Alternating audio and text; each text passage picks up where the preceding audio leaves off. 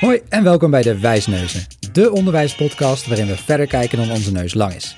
We zoeken uit hoe het zit en bespreken wat je ermee kan.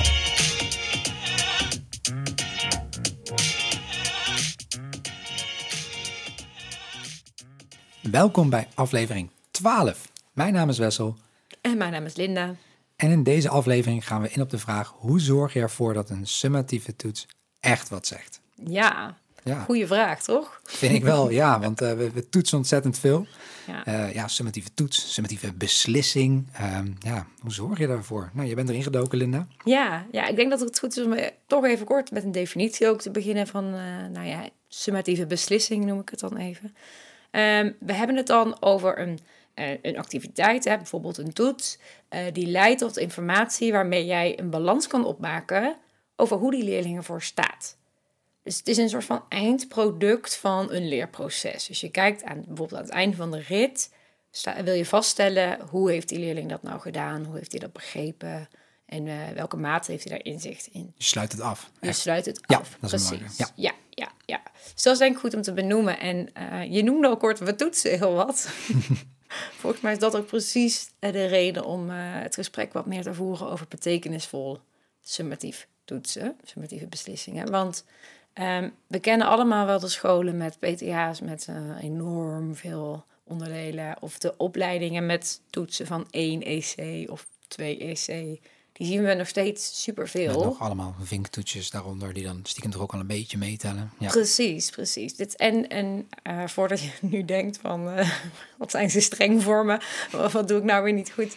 Ehm, het is ook wel ingewikkeld, dat zien we ook wel. Maar wat we ook zien, en ik denk dat je dat ook herkent in je onderwijspraktijk als je hiermee te maken hebt, is dat het heel versnipperd is. Ehm, er is weinig samenhang meer, want we hebben allemaal inderdaad losse afvinkelen, toetsen, losse kleine onderdelen. Ehm, er is heel veel toetsdruk, waardoor het meer gaat over toetsen dan over leren. Ehm, En dat ervaar je als docent, net zo goed als als leerling of student. Ja. Dus die, die, die- ja, die noodzaak om deze vraag van wat is nou betekenisvolle summatieve beslissing is denk ik wel echt de moeite waard om eh, met elkaar te bespreken. ja, goeie. Ehm, ja, en volgens mij goed om mee te beginnen van, oké, hoe zorg ik dan dat het wel betekenisvol is? Ehm, een eerste stap, hebben we het in meerdere podcasts ook al wel over gehad, is zorgen dat je je toetsen ontwerpt vanuit constructieve afstemming. Ehm, kort even, wat is dat ook alweer? Eh, het begint met heldere doelen stellen. Duidelijk weten waar ik naartoe wil werken. Nou, dan kan je de vorige podcastaflevering even over zeker. luisteren. Ja, Die vertelt daar ook meer over waarom dat belangrijk is. Eh, maar om vervolgens ook je toetsen te gaan ontwerpen vanuit die helder gestelde leerdoelen. ja, ja. Dus dat is ja, dat het echt op elkaar is afgestemd en dat je daar niet op het een voorbereidt en dat ander vervolgens doet. En Nee. het klinkt gek, maar ik denk, ik kom het best wel vaak tegen. En dat gaat bijvoorbeeld over, we gaan heel veel discussiëren lessen, want dat is nuttig.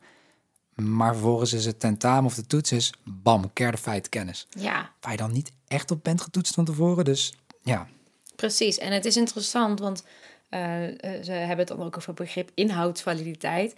We denken heel vaak dat een toets datgene afdekt wat we willen, inderdaad. Maar als je echt gaat kijken naar, heb ik nu de informatie vergaard die nodig is om een oordeel te vellen over deze vaardigheid of eh, Ja. dit inzicht, dan, dan komen we heel vaak tot de conclusie dat we daar helemaal niet de juiste informatie uit hebben opgehaald. nee, Eh, ja, mooi. Heel Ja. zonde. Ehm, dus, en ook is dat vaak zo, omdat de realiteit ehm, ja, het moeilijker maakt om ja, lang stil te staan bij het ontwerpen van goede toetsing. Ja. Nou ja, dus dat is lastig. Ehm, een tip daarvoor kan zijn, zorg dat je je toetsen ontwerpt voorafgaand eh, aan je Backward, onderwijsperiode. echt backward design, hè? Dat is, ja, ja, ja, zeker. Precies, dus weet eerst hoe ga ik die informatie ophalen aan het einde van de rit. En ga dan pas ja, ook je lesinhoud bedenken of organiseren. Ja, mooi. Dus dat ehm, kan heel erg helpen. Ehm, nou, dat is denk ik het allerbelangrijkste. Dus zorg dat je constructieve afstemming hebt in dat wat je wil bereiken en je toetsing. Ehm, en als je dan nadenkt over hoe ga ik die toets dan ontwerpen, of welke informatie wil ik dan ophalen, ehm, dat is eigenlijk een vraag die we onszelf ook niet zo vaak afstellen, of niet zo vaak stellen. Ik denk dat je ook wel heel erg bekend bent met, ehm, oké, we hebben gewoon een toets liggen, die gebruiken we en de informatie die ik daarmee ophaal, die gebruik ik om te bepalen of iemand een 6 of een 7 of een 8 of een 9 heeft. Ja, Ja, dus we hebben vaak al, we hebben al informatie voorhanden. En we denken, nou, dat is prima. Daarmee doen we het dan ja maar. want we toetsen altijd het einde van een paragraaf, hoofdstuk, periodedeel, wat het ook is. Ja, precies. Maar hoe zou het nou zijn als je gewoon tijdens je onderwijsperiode al en aan voorafgaand al veel vaker de vraag stelt: heb ik nu de juiste informatie en heb ik voldoende informatie om te kunnen beslissen? En noemen we ook wel decision-driven data collection. Dus je wil Ja. veel meer na gaan denken over: oké, als dit de beslissing is die ik wil nemen over deze vaardigheid of over deze doelen, heb ik dan de juiste data verzameld? Heb ik dat nu bij elkaar? Of nee, heb ik dat misschien nog niet? Hebben ze het alleen maar een momentopname Nee, bijvoorbeeld? dat je dus ook nadenkt over welke data verzamel ik of zo. Dat is, me, Ja, dat is denk ik best wel vaak inderdaad dat dan toetsen, nou ja, die worden een soort van zelfsprekend ingepland. Einde van de periode, er is weer een tentamenweek, er is weer een toetsweek. Dus iedereen mag of soms moet, zelfs, dat vind ik ook zo bijzonder, dan moet je iets, iets toetsen. Want het, Ja. want het, is, het, het gebeurt hoor, dan is het toetsweek. Ieder vak moet dan wat toetsen. Nou, dat vind, ik- vind ik al bijzonder. ja Maar het moet ook precies op dat moment. precies. Ja, dat- ik denk, ja, Ja. maar misschien heb je dan, je nog, is dat nog veel te vroeg of zelfs veel te laat in het leerproces als het verderop in het jaar is. Ja. Ja, ja, en dan laten we ons toch leiden door eh, hoe is het makkelijk te organiseren. Hè? En Ja. eh, ergens snappen we, snap ik ook wel van, het is ook wel even een puzzel als je dat anders wil doen. Maar als je echt na wil denken over, ben ik daar al met mijn leerlingen? Ja, ja nee, Dat is wel, precies. eh, ja, ja. zeker. Dus nou, dat is denk ik een hele andere manier van nadenken ook over toetsen. Hè? Ik, ehm, ook interessant om dat met je collega's eens te bespreken. Van, heb ik nou echt het gevoel op het moment dat ik een beslissing moet nemen... dat ik de juiste informatie voorhanden heb? Ja. Ehm, en ik denk een, ook een belangrijk gevoel is dat je eh, doorgaans in je lessen... eh, een bepaald gevoel krijgt bij het inzicht dat een leerling heeft... wat misschien niet overeenkomt met eh, hoe die heeft gepresteerd op die toets. Dat is balen. Ja, en een hele bekende. En soms is daar, kunnen daar zenuwen aan ten grondslag Ja. liggen. Precies. Maar het, het gebeurt daarna best. En dat vind ik soms schrijnend. Ik heb dat ooit zelf met een leerling gehad. Die, die wist in de les ontzettend veel, in dit geval van maatschappijleer, eh, ontzettend veel van de leerstof. Hij kon mondeling uitdrukken en noem maar op. Toen kwam het de, de toets. En ik, ik weet het exacte cijfer niet meer, maar het was echt eh, de- rond de drie. Hm. Schandalig laag. Ja. En, en dat we dan, dat dan eigenlijk in een systeem moeten zetten. Ja, die leerling, terwijl die leerling wist het wel, maar die had gewoon toetszenuwen. Daar moest Ja, wat mee. ja. Ik heb toen die toets gewoon niet verklaard zelf.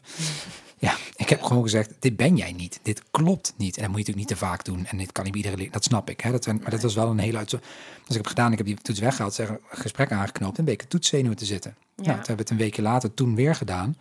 En eh, het ging hartstikke goed. Ik weet nog dat die leerling toen in ieder geval 9,2 heeft gehaald.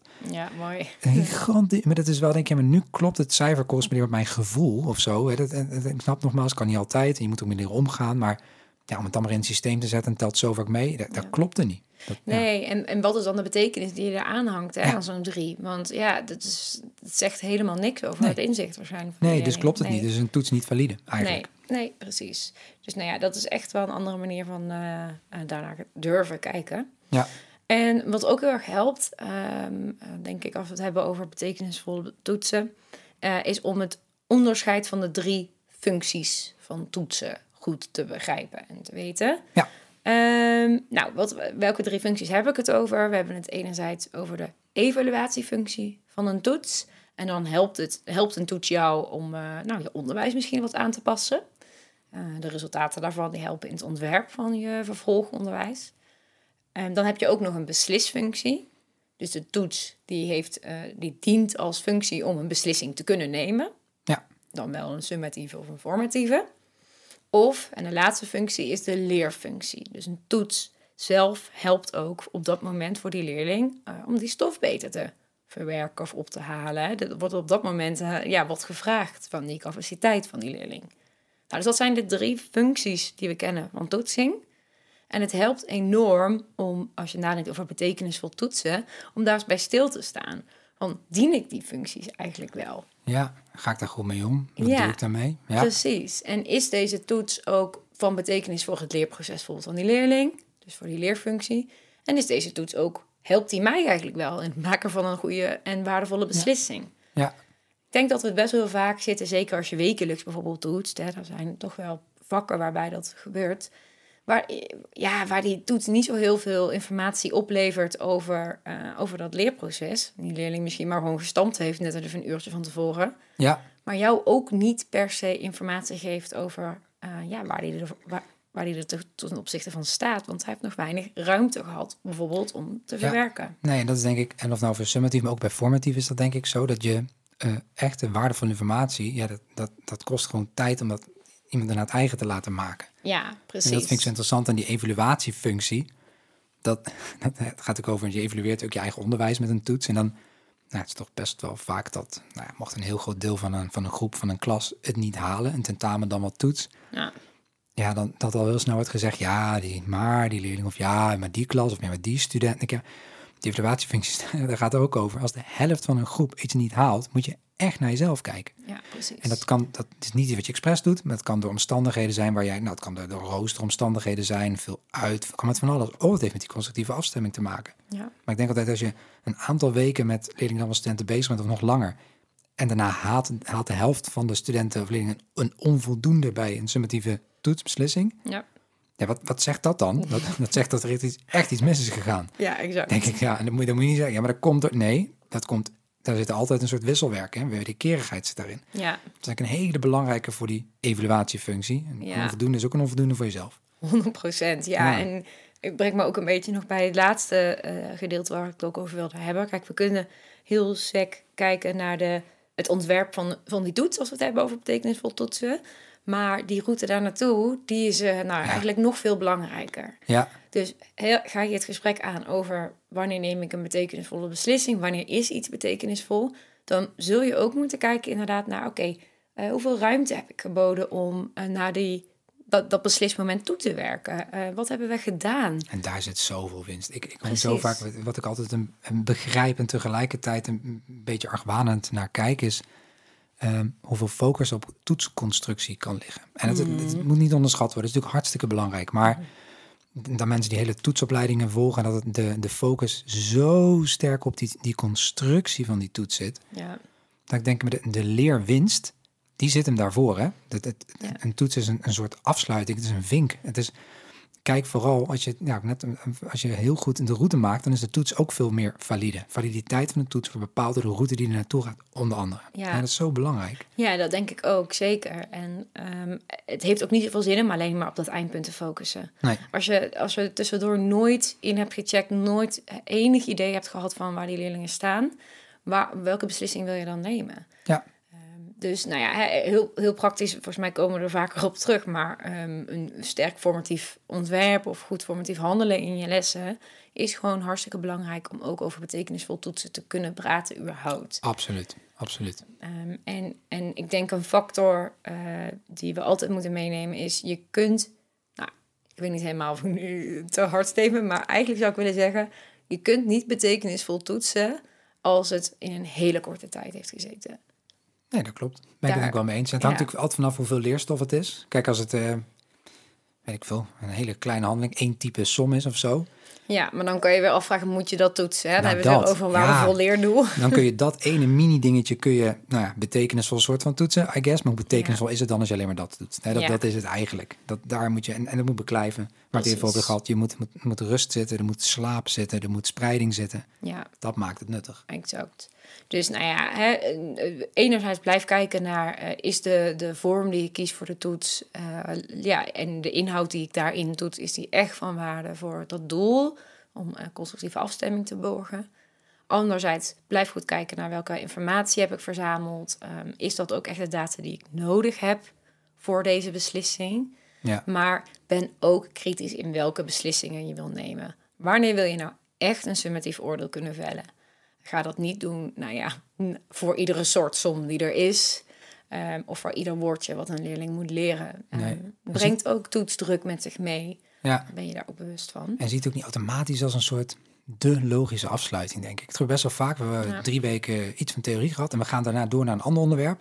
De, de- dus we toetsen hem even summatief af. Dat ik denk, ja, maar het kan ook zijn dat je daarna nog een paar weken herhaalt en dat het allemaal samenkomt in een tentamen bijvoorbeeld. Het moet Ja. niet altijd gaan over eh, deel A is klaar, dus die vinken we af. Dan gaan we door naar deel B. Nee, je wil ze vermengen. Je wil betekenisvol maken. Ja. En daardoor wordt het op termijn misschien wel veel krachtiger Ja. en veel waardevoller. Ja, precies. En eigenlijk zou ik het ook het meest ideaal zou zijn, wat mij betreft. eh, ik snap dat het echt niet altijd zo is, maar dat een eh, leerling ook over een bepaalde kenniseenheid of een bepaalde vaardigheid zou willen zeggen: Oké, ik wil nu laten zien dat ik het kan. Daar zou je in ieder geval willen zitten. Precies, precies. Dus dat, dat, dat die leerling zich ook klaar genoeg voelt voor zo'n summatieve beslissing. Ja, Eh, op die manier wil je daar naar kijken. En dat betekent dus niet dat je iedere dag een, eh, een, klein toetje hebt, want zo werkt dat niet. nee, want een stok achter de nee, de, nou ja, het bekende. Nee, Ja. eens. Ja, Precies. Nou, dit is denk ik ehm, eh, ja, wat meer een andere benadering van kijken naar hoe neem je nou echt een betekenisvolle summatieve beslissing.